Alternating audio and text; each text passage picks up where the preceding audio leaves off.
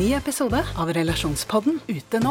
Datteren til en av lytterne våre har klippet av seg håret for å donere det bort, men nå blir hun mobbet for det.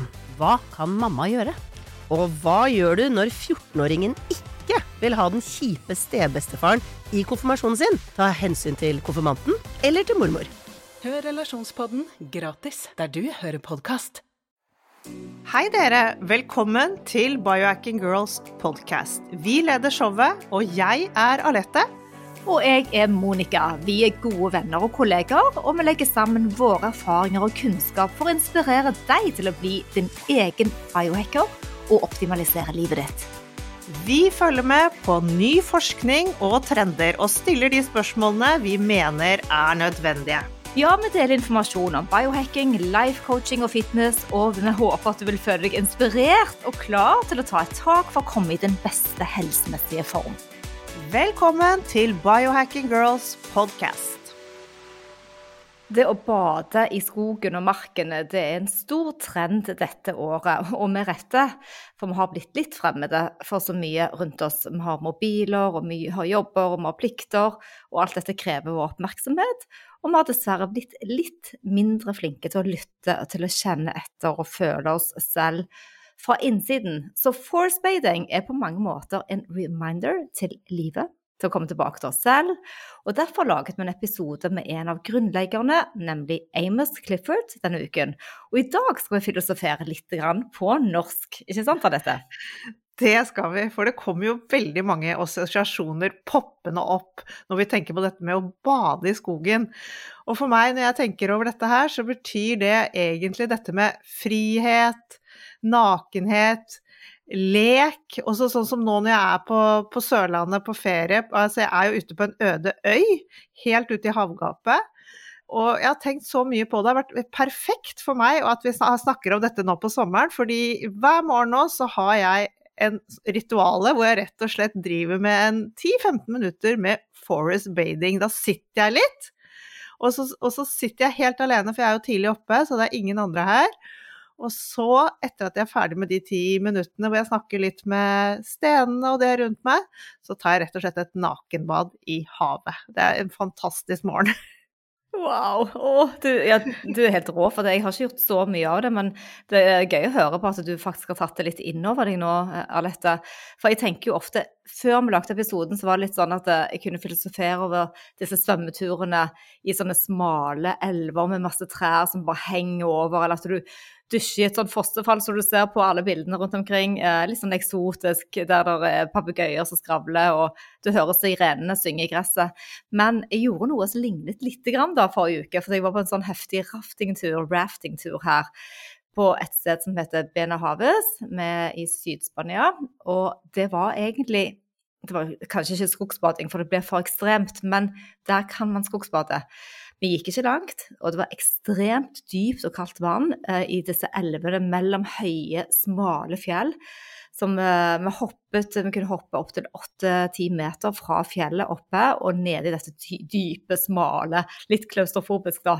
Og der fløy det fugler, og du kunne se små frosker, og hang ja, masse vekster, eh, masse grønt, og vi rappellerte langs den fjellveggen og klatret, så det var nok kanskje litt mer actionpreget av dette. Men stedet tror jeg kan egne seg for forest bathing. Altså, det høres jo bare helt uh, magisk ut, men var det sånne gjettegryter, sånne runde greier som man liksom skled i, eller var det at du hoppet utfor i, i en foss? Det hørtes supergøy ut. Og hvor lenge var dere der, da? Jo, så tenk deg, tenk deg, et fjell der som har fått en sprekk i seg gjennom millioner av år, og nedi der så renner det vann. Og, så det er egentlig en stor fjellsprekk mange steder. Og i tillegg så var det kulper, men òg sånne gjettegryter i fjellet rundt omkring. Da. Men der vi badet, var det veldig dypt.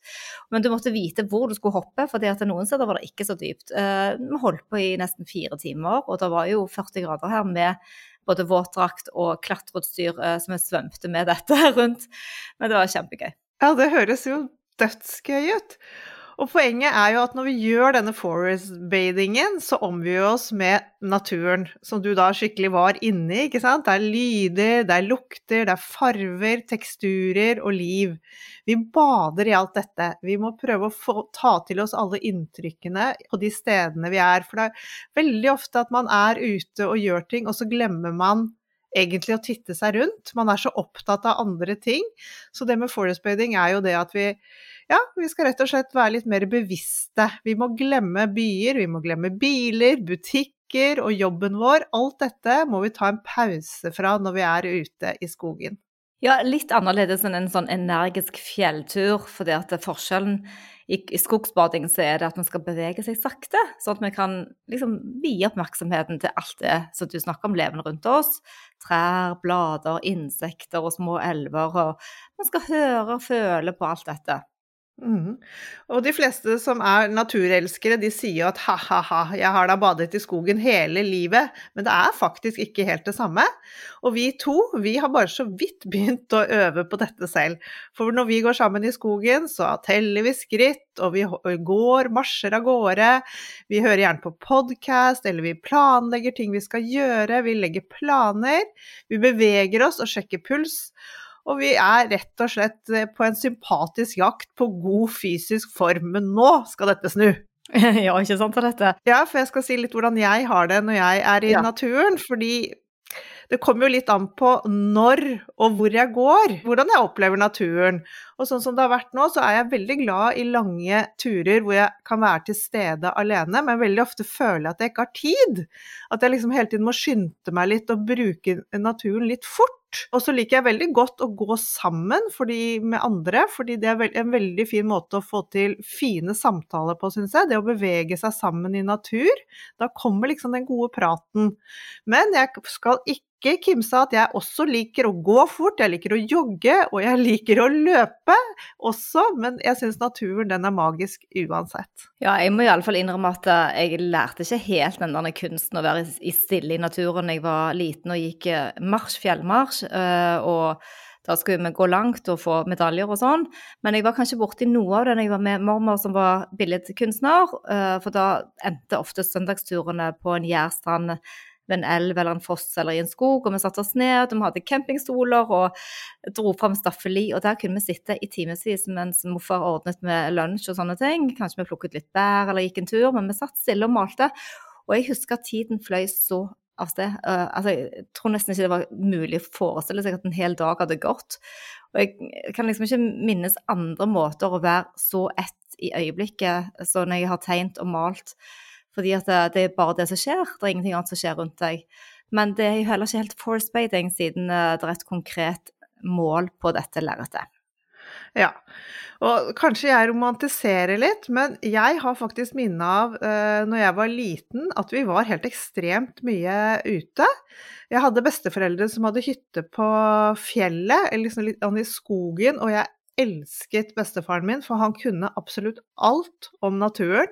Og det beste jeg visste, var å bare rusle rundt med han, og han plukket opp hver eneste blomst og kunne fortelle meg hva de het, og hva alle sopp alle fugler, alle lyder. Altså det var helt sånn magisk, men som sagt, kanskje jeg romantis romantiserer litt. Men jeg tror vi lekte utrolig mye mer ute. Jeg husker vi bygget hytter oppi trær, vi var så kine på å sove ute om sommeren, vi laget eh, snemenn om vinteren. Nå er det så mye mer innetid, føler jeg, men eh, det kan hende jeg husker feil. Men i hvert fall, velkommen til Biohacking Girls, din podkast for optimal helse. Vi kjører recap på norsk i dag. I mandagens episode så hadde vi med oss Amos Clifford fra California. Han er nå bosatt i Arizona. Han har en ledende stemme innenfor Shirin Yoku-inspirert forest bathing og altså denne forest-bathingen som terapi. Dette holder han på med i USA. Ja, han er rett og slett skogbadernes far over alle, det kan vi vel si. Amos har også studert buddhistisk filosofi, og er grunnlegger av Creek Dharma Center. Ja, han flyttet til Arizona etter noen vanskelige år i businessen sin som følge av covid, og følte at han trengte å komme litt nærmere hovedkontoret til The Association of Nature and Forest Therapy. Denne terapien han driver med, er jo noe vanskelig å gjøre med Zoom, tenker vi. Ja, det er ikke så lett. Men han har i hvert fall skrevet boken 'Forest Bathing', og vi lurte på hva som var bakgrunnen hans. Og da kunne han fortelle, for han er jo rett og slett en gammel mann. Han vokste opp i Santa Barbara, og han også var nært knyttet til naturen i hele oppveksten. Og når han ble eldre, så jobbet han som guide for unge som hadde problemer, gjerne sånn, litt sånn som var ute på skråplan og sånn. Han jobbet med, jobbet med, å ta disse ut i naturen for å liksom hjelpe de på rett kjøl. Og dette var en sånn 21 dagers tur ute i villmarken, og han så gode resultater på disse barna eller ungdommene som han eh, hadde med seg ut. Han så hvordan naturen påvirket dem positivt. Så Amos han har alltid vært en skikkelig natur- og skogelsker. Ja, og her lærte han òg om det å være guide, og òg at det er forskjellig fra å være lærer eller terapeut. Det er han veldig nøye på. Da han var i 50-årene, så fortsatte han arbeidet sitt, og så og da særlig på seg sjøl, fordi han ville eksperimentere i villmarken alene. Han var på Vision Fast-seremonier, som innebærer sånn time-out helt alene i naturen, med minimalt med mat og drikke. Og han forlater distraksjoner og daglige rutiner fra livet sitt ellers. Og så forteller han det at han leste en artikkel i magasinet Outside av Florence Williams, og så leste han også hennes bok som het Nature Fix, og dette dette var det som da, oppi dette her med at han var ute på disse vision-fasene, tente gnisten i Amos om at dette var noe han virkelig ville undersøke nøyere. Og han kom først over den japanske praksisen Shirin Yoku gjennom boken hennes. Og dette er inspirasjonen bak forest bathing, så i Japan har de jo drevet med dette lenge. Og Amos han ville gjerne selv bli en guide i disse Vision Fast-seremoniene. Og dette var jo da opprinnelig tolv dager hvor du skulle være alene ute i, i, marka og finne deg selv. Og dette skjønte han at dette var ikke noe som var særlig tilgjengelig for folk flest, så han ville gjøre dette til sitt. Ja, og vi merker når vi snakker med han òg på podkasten på mandag at han har veldig mye bakgrunnskunnskap og såpass mye at han kunne lage en egen praksis rundt disse prinsippene innenfor shirin-yoko-terapien. da. Og det handler jo om da egentlig å gå sakte og være bevisst, sånn som vi snakket om innledningsvis i introen vår i dag, eh, på sansene dine.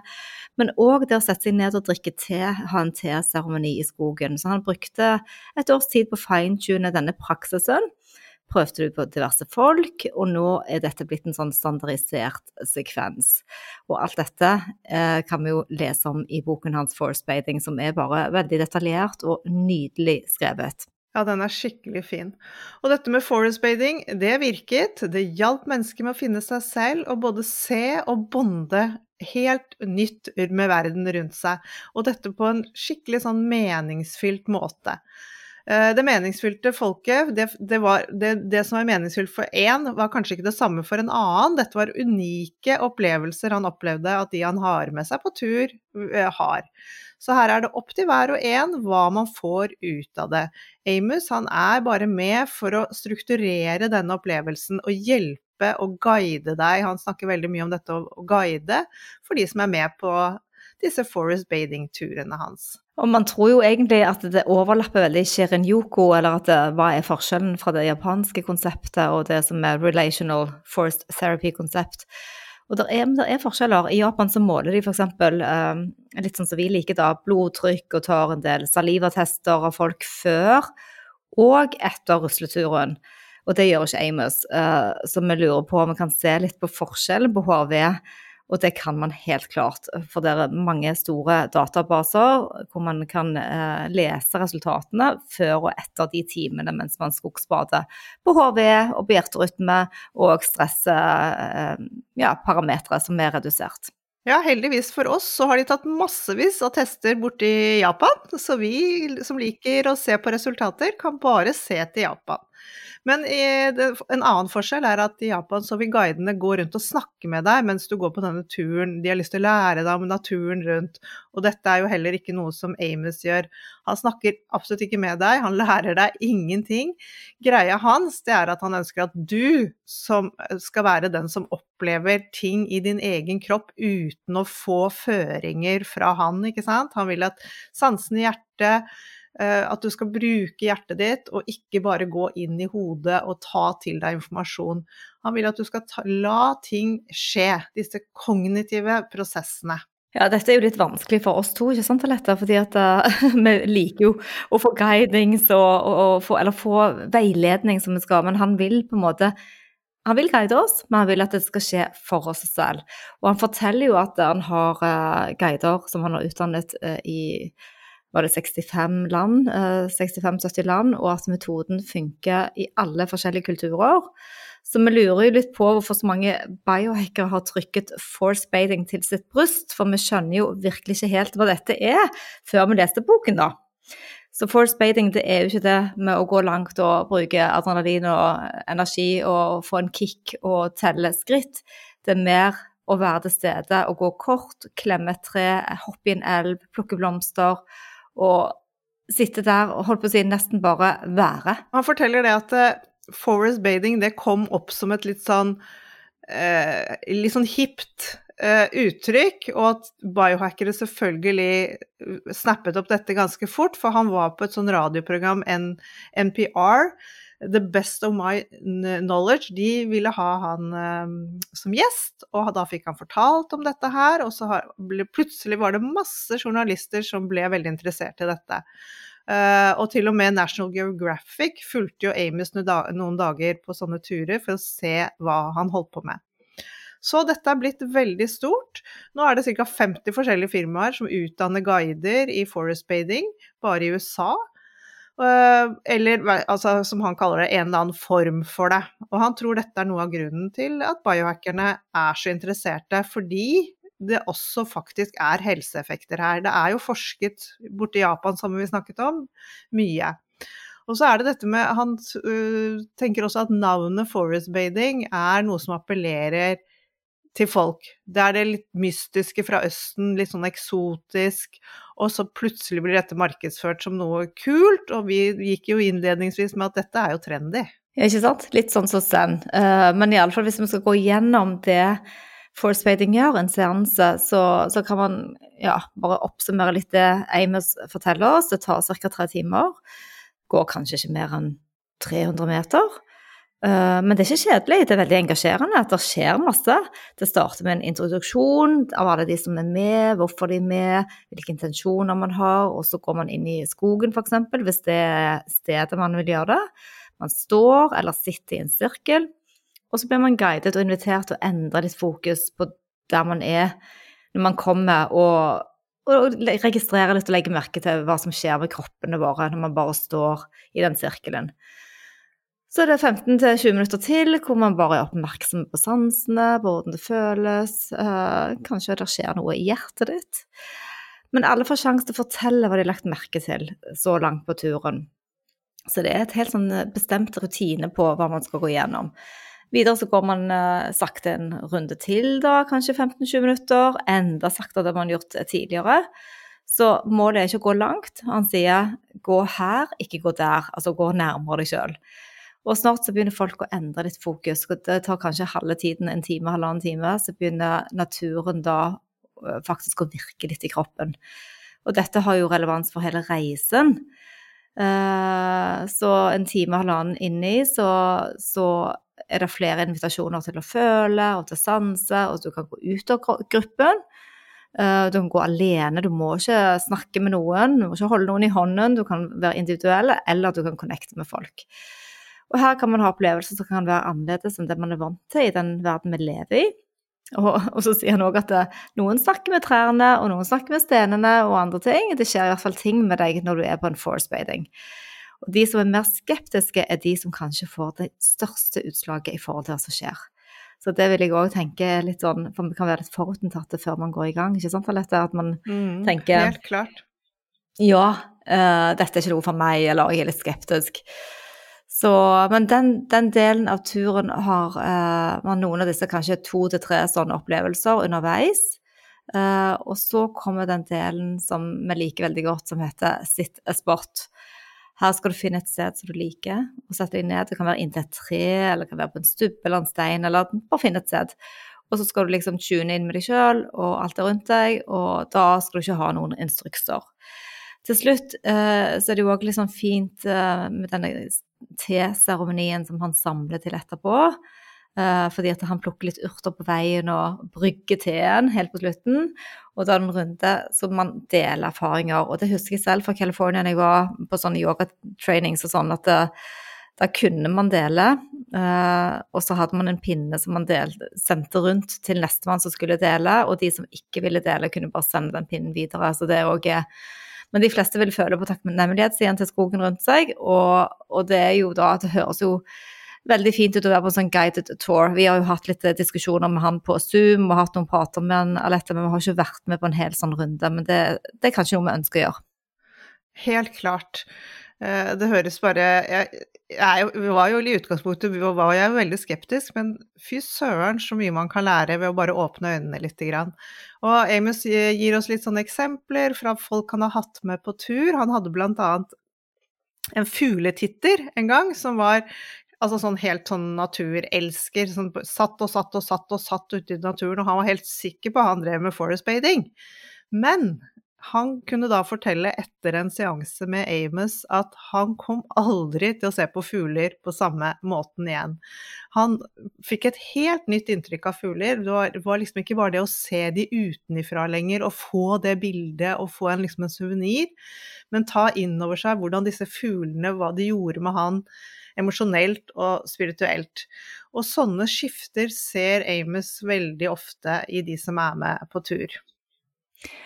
Ja, uh, han utdanner jo i dag òg flere guider, og lærer de da som guide at man skal lytte og ikke dømme noen som er med. For dette, det er jo litt sånn sårbart òg, det er av folk som deler det de opplever med hverandre. Og man må gjøre denne opplevelsen både reell, men òg trygg, for det setter seg inn i skjelettet i marg og ben. Og om man ikke deler, så går, så går, man eh, videre og glemmer mye i løpet av noen dager. Så det er denne delingsprosessen som òg kan være fin når man gjør det sammen med noen. Helt klart. Og så er jo vi selvfølgelig som biohacker veldig opptatt av hvordan dette kan innvirke på immunsystemet vårt. og det kunne han snakke litt om, at når vi måler både kortisol og spytt, og HRV-en, så ser vi at det ser ut som nervesystemet det får en slags reset, en nullstilling. Og dette igjen støtter jo at vi får et sunnere immunsystem og en mye mer effektiv immunrespons. Og det er faktisk gjort ganske mye forskning her. Og selv om det er gjort mye forskning, så er jo det òg et viktig poeng at uh, man, kan finne en del uh, artikler, men egentlig uh, så trenger man kanskje ikke ha forskning for å forstå at naturen faktisk healer. For at, eh, Hvem er det vi skal prøve å overbevise til syvende og sist? Vi spekulerer litt rundt dette sammen med Amos. For, at, eh, for mange kan det være en stor motivasjon at det faktisk ligger forskning bak for å komme i gang. Mens for andre så er det kanskje bare det å være til stede og lytte og trene kroppene våre, hvordan de virker, hvordan intelligensen i hjertet virker og i kroppen. At det er viktigere enn å lene seg på science, da. Ikke sant. Eh, og så snakker vi om et begrep som heter rumination. Og dette forklarer Amos i boken sin, og det, det er det at når folk har gått gjennom f.eks. depresjoner, og når du har dette herre tankespinnet, dette at tankene går i sirkel, når du liksom ikke er helt frisk, du sitter fast i tankene, og, og noe av det de da fant ganske tidlig i denne forest bathing-terapien, er at denne tendensen med dette tankespinnet, den brytes. Denne rumineringen brytes, og, og dette fastlåste mønsteret liksom ga slipp. Og det var mye lettere å forstå og oppleve det som skjer rundt en. Så det er jo kult, faktisk. Mm. At det, det, å gå i skogen faktisk kan hjelpe på sånne ting etter depresjoner. Og så snakket vi litt også om eh, ketaminterapi, for det kan jo også brukes til å behandle depresjoner. Seks behandlinger med profesjonell veiledning kan ha stor innvirkning fordi den også forstyrrer denne, dette tankespinnet vårt, og tanker og mønstre man er fastlåst i, kan også bli bedre med ketaminbehandling. Ja, altså Definisjonen på rumination går altså på at man dveler kanskje litt lenge ved negative følelser og tanker, og såpass lenge at de får konsekvenser som er mindre bra for oss. Og på sikt så kan denne dvelingen lede til både angst og depresjon og forverre tilstanden. Men vi tror nå, vi to, først og fremst på naturen framfor ketamin. Eh, og det er jo helt personlig for oss to, da, eh, i forhold til å kunne stoppe det tankespillet eh, og prøve på det. Men alle dere som lytter på podkasten har lyst til å gjøre forskjellige ting, må bare snakke med egne leger og finne en uh, behandlingsform som passer for deg. Men det å begynne iallfall med force bathing hvis du har tendenser til å ja, begynne å tenke masse negative tanker. Det kan jo kanskje være en uh, fin start. Jeg tenker iallfall det personlig, at hvis jeg har mye stress, at det er veldig terapeutisk for meg å gå ut i naturen. Pluss at det, det, skader jo absolutt ikke, så jeg er helt enig med deg, Monica. Men uh, Um, igjen, her er vi veldig forskjellige, og vi er like forskjellige som alle disse som kommer på Forest Bathingen til Amos. Han har klienter av uh, ulike kjønn, ja, både menn og kvinner, men tendensen er vel at det er flest kvinner som gjør sånne ting. Og så sier han også det at uh, hoveddelen av de som er med, er voksne, gjerne mellom 50 til 70. Og de kommer eh, fordi de ønsker absolutt ikke å gå fort de ønsker dette med å lære seg å være mer til stede i naturen. De har kanskje hatt et liv med masse stress. Og de er absolutt ikke kine på en sånn rask sports-turgruppe-typ. Men han sier også at det er barn, unge og folk i alle aldre. Og da coachene hans de tilpasser selvfølgelig turen etter gruppen. Og nå tror jeg bare jeg tenker litt på hvorfor vi biohackere blir litt sånn fascinert og tiltrukket av force bathing. Fordi at det, vi liker jo egentlig det som er litt vanskelig. Vi liker å jobbe med det som krever noe av oss. ikke sant? Vi har lyst til å gå hele veien og unngå disse quick fixene. Vi har ikke lyst til å ta medisiner, vi har lyst til å gjøre innsatsen og bevege oss. Og for meg personlig så må jeg si at uh, skogsbading det krever mye av meg å være i ro, for jeg har mye energi. Å være i ro med tankene mine i tre og fire timer, det, det er um, noe som utfordrer meg, men jeg blir òg litt lokket. Og vi er jo nysgjerrige på Eh, på hvordan det vil virke på oss når vi går inn i en sånn stor og lengre session. Men òg til dette hvor man skal gjøre det, da, siden vi er så glad i å være på stranden eller ved havet. Eh, men han sier vel egentlig at man kan være hvor som helst. Eh, enten på stranden selvfølgelig, eller i en park i store byer. Og han har til og med holdt en session midt på Medicine Square Garden. og Det var litt festlig å høre på. Og en av hans coacher jobber eh, på strender der det er delfiner som viser seg på stranden, sånn at gruppen da kan bevege seg ned og delta og kanskje inter, ja, være sammen med delfinene mens, eh, mens denne skogsbadingen foregår. Og så har han òg testet det under vann. For der under vann er det jo òg en nydelig skog med alger og dyr og planter og all slags vilt liv og fisker og sånn. Så det er sikkert masse godt å oppleve for sansene der òg. Eh, kan jo ikke lukte så godt da, men du har eh, eh sikkert dykkerbriller på deg. Jeg er ikke helt sikker på hvordan han gjør det, men det syns jeg høres litt spennende ut å være men i tre timer. Da må du opp og ned da. Men han, han mener egentlig at eh, natur er natur, og man kan skogsbade overalt. Ja, det er vel det, absolutt det. Jeg skjønner at du blir jo selvfølgelig fascinert av alt som er i vannet, Monica. Det er jo ditt, ditt element. Men som sagt, dette kan du praktisere hvor som helst.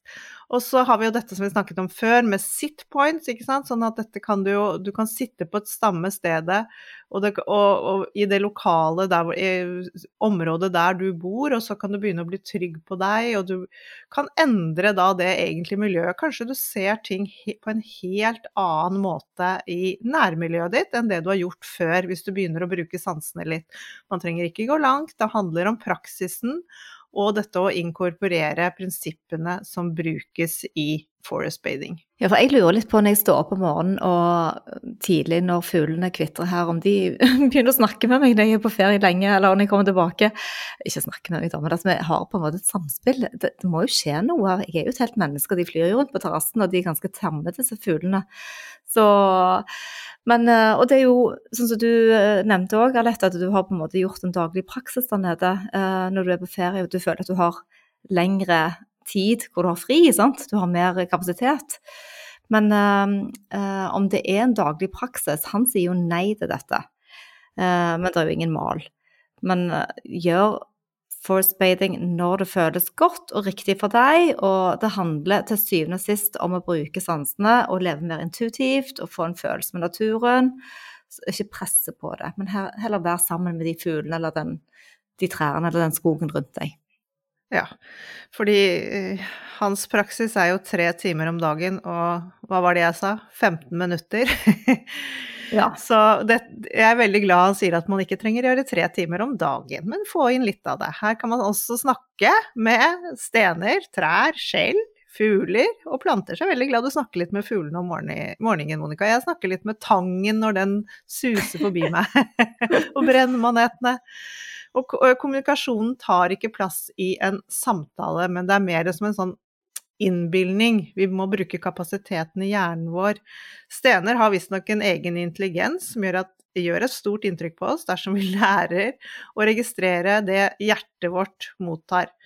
Da er det dette du kommuniserer med i naturen. Det er altså ikke ord, men mer en intensjon, en følelse av det å ville forstå skogen og leve litt som vi var ment til å leve. Helt naturlig.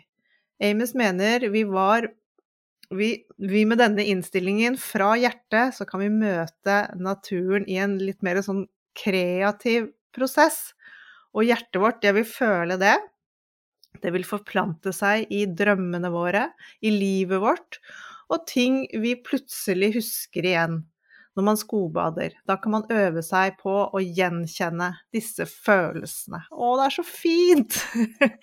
og det er jo akkurat det det handler om, da, kanskje. At uh, ja, jeg tror ikke Amos gjør dette tre timer daglig. Han sa vel at han ikke gjorde det hver dag. Men når du først gjør det, at det på en måte forplanter seg litt i livet ditt, uh, og du tar med deg den opplevelsen Det er jo som en god opplevelse du tar med deg videre inn i alt det andre stresset som man skal holde på med. Så jeg vet ikke helt hva jeg skal gjøre mer i dag, for jeg har badet i sjøen. Og ja, jeg har vært på en pilatestime, men jeg tror kanskje jeg må ta en tur til i sjøen. Jeg. Men, eh, men den, eh, den, den, jeg hadde forrige uke i de kulpene, det, det, er et sted jeg kunne godt tenke meg å prøve en ordentlig skogsbading. Og gjøre en sånn sittspot og ja, hele pakken. Da håper vi at dere har blitt inspirert til å bruke sommeren litt ekstra tid bare på å være litt mer mindfulle ute og ta det med dere inn i hverdagen deres.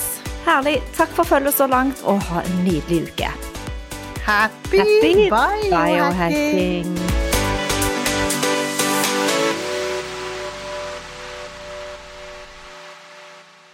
Vi minner om at dere må snakke med egen lege eller kostholdsveileder om dietter og andre spørsmål relatert til medisiner og supplementer. Informasjon vi deler, kan ikke bli brukt til å diagnostisere, behandle, forebygge eller kurere noen sykdommer eller tilstander.